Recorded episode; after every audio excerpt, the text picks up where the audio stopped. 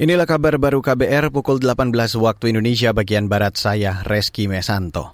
Saudara Presiden Joko Widodo menekankan pentingnya kesiapan lahir dan batin dari pasangan calon pengantin sebelum menikah. Kesiapan itu diperlukan untuk mencegah kasus stunting.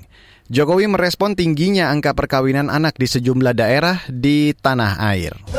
Masalah stunting itu juga masalah mengenai bagaimana kita menyiapkan prahamil dan saat hamil penting sehingga yang namanya pernikahan itu harus dilihat bahwa mereka yang mau nikah betul-betul siap, siap lahir dan batin. Presiden Jokowi juga mengingatkan pentingnya menjaga kesehatan ibu sebelum kehamilan dan saat kehamilan. Ia mengatakan penanganan masalah stunting jauh lebih mudah sejak bayi dalam kandungan. Presiden juga menyatakan kegembiraannya karena selama 8 tahun terakhir, angka stunting terus turun. Bahkan pada tahun lalu, angka stunting nasional menjadi 21,6 persen. Pemerintah menargetkan angka stunting turun jadi 14 persen pada tahun depan. Beralih ke berita selanjutnya, Saudara. Wakil Presiden Maruf Amin menilai subsidi biaya haji yang diberikan pemerintah kepada jamaah nilainya terlalu besar. Oleh sebab itu, kata Maruf, pemerintah mengusulkan kenaikan biaya haji tahun ini menjadi 69 juta rupiah. Ya, saya kira kemarin itu subsidi yang diberikan pada ongkos haji itu terlalu besar. 59 persen. Ya, kemarin ini.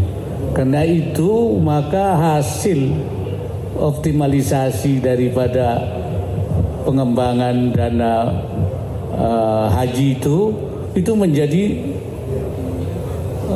ter, ter, ter apa, terambil banyak.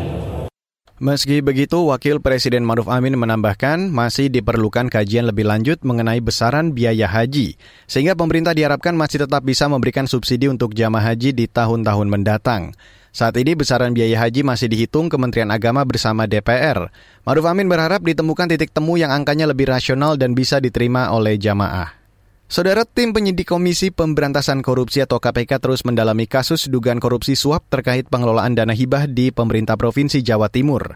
Kasus itu menjerat Wakil Ketua DPRD Jawa Timur Sahatua Simanjuntak sebagai tersangka. Hari ini KPK memanggil 17 saksi termasuk Ketua DPRD Jawa Timur Kus Nadi. Pemerintah dilakukan di pemeriksaan maksud kami dilakukan di kantor BPKP perwakilan Jawa Timur. Sebelumnya, KPK mengumumkan status Wakil Ketua DPR di Jawa Timur Sahatua Simanjuntak sebagai tersangka suap dugaan pengelolaan dana hibah untuk kelompok masyarakat. Selain Sahatua, tiga orang lain juga ditetapkan tersangka. Mereka berempat ditangkap saat KPK melakukan operasi tangkap tangan. Dana hibah yang diduga dikorupsi bersumber dari APBD Jawa Timur. Wakil Ketua DPRD Jawa Timur Sahatua Simanjuntak diduga menerima 5 miliar rupiah Satua kini juga menjabat sekretaris DPD Partai Golkar Jawa Timur. Demikian kabar baru yang dipersembahkan oleh KBR, saya Reski Mesanto.